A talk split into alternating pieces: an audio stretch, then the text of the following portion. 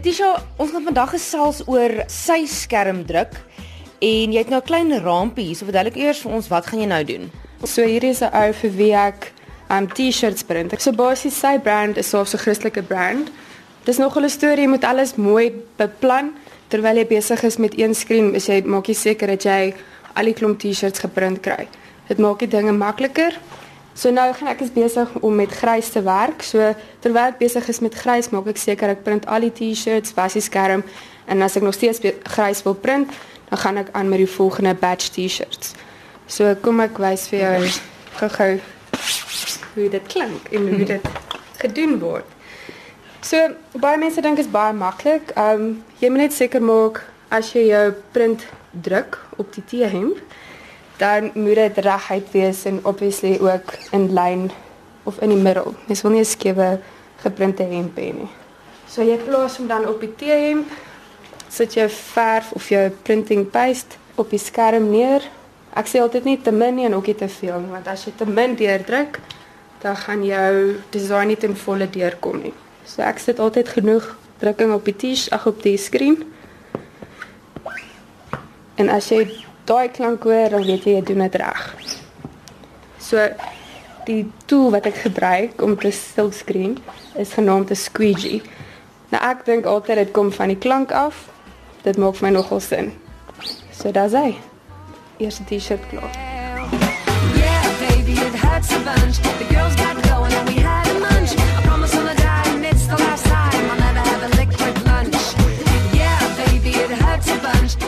Jy's nou besig om hom skoon te maak. Vertel my van hierdie proses en hoekom is dit so belangrik om dan nou die verf af te was? Goed, as jy die verf aanhou, los gaan jou skermblok, so daar waar jou image ge-expose is, gaan dan geblok wees. So jou design gaan nie behoorlik dan deurkom as jy 'n nuwe design of as jy hom weer oorprint nie. So dan wat ek doen, ek het vir my 'n lekker ingeboude bad buite. Ehm um, dit spaar ook jou ruggie want jy is toe net ja, 24 uur besig om te print. Ehm um, so wat ek doen, ek bespaar bietjie water. Ek sal eers die skerm nat maak met 'n sponsie van voor en agter af nat maak en dan gebruik ek 'n tuinslang om met 'n volle fors ehm um, al die verf af uit te spat of uit te spuit. Mm. So dan voor of binne en dan agter.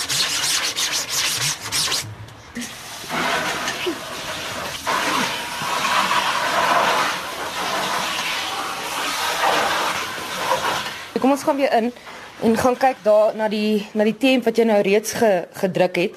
So daar's nou reeds een gedoen, daar's nog 'n hele paar wat voor lê. Nou sy droog. Hoe kan jy dan seker maak dat die verf wat jy nou hier opgedruk het, daar gaan bly? Moet jy dit instryk of wat is die proses? Ja, dit is jou grootste proses as jy gesokskreen het, want ek weet jy maak seker dat die goeders nie uitwas nie. So ek voel eers met my agterpalm om seker te maak hy's droog. Um dan as hy klaar is, vat jy 'n waterlose strykyster. So dan gaan jou hemp omkeer, dan eers van die agterkant af direk op die ontwerp gaan jy moet stryk. Dan gaan ons 'n stoompies uitkom. Jy wil juist al die vog uit die T-shirt uithaal en dan weet jy hy gaan nie uitwas nie. Dan draai hom weer om en jy gaan weer bo op die T-hemp gaan jy hom stryk en dan kom al die stoom uit. So hy gaan nie uitwas nie.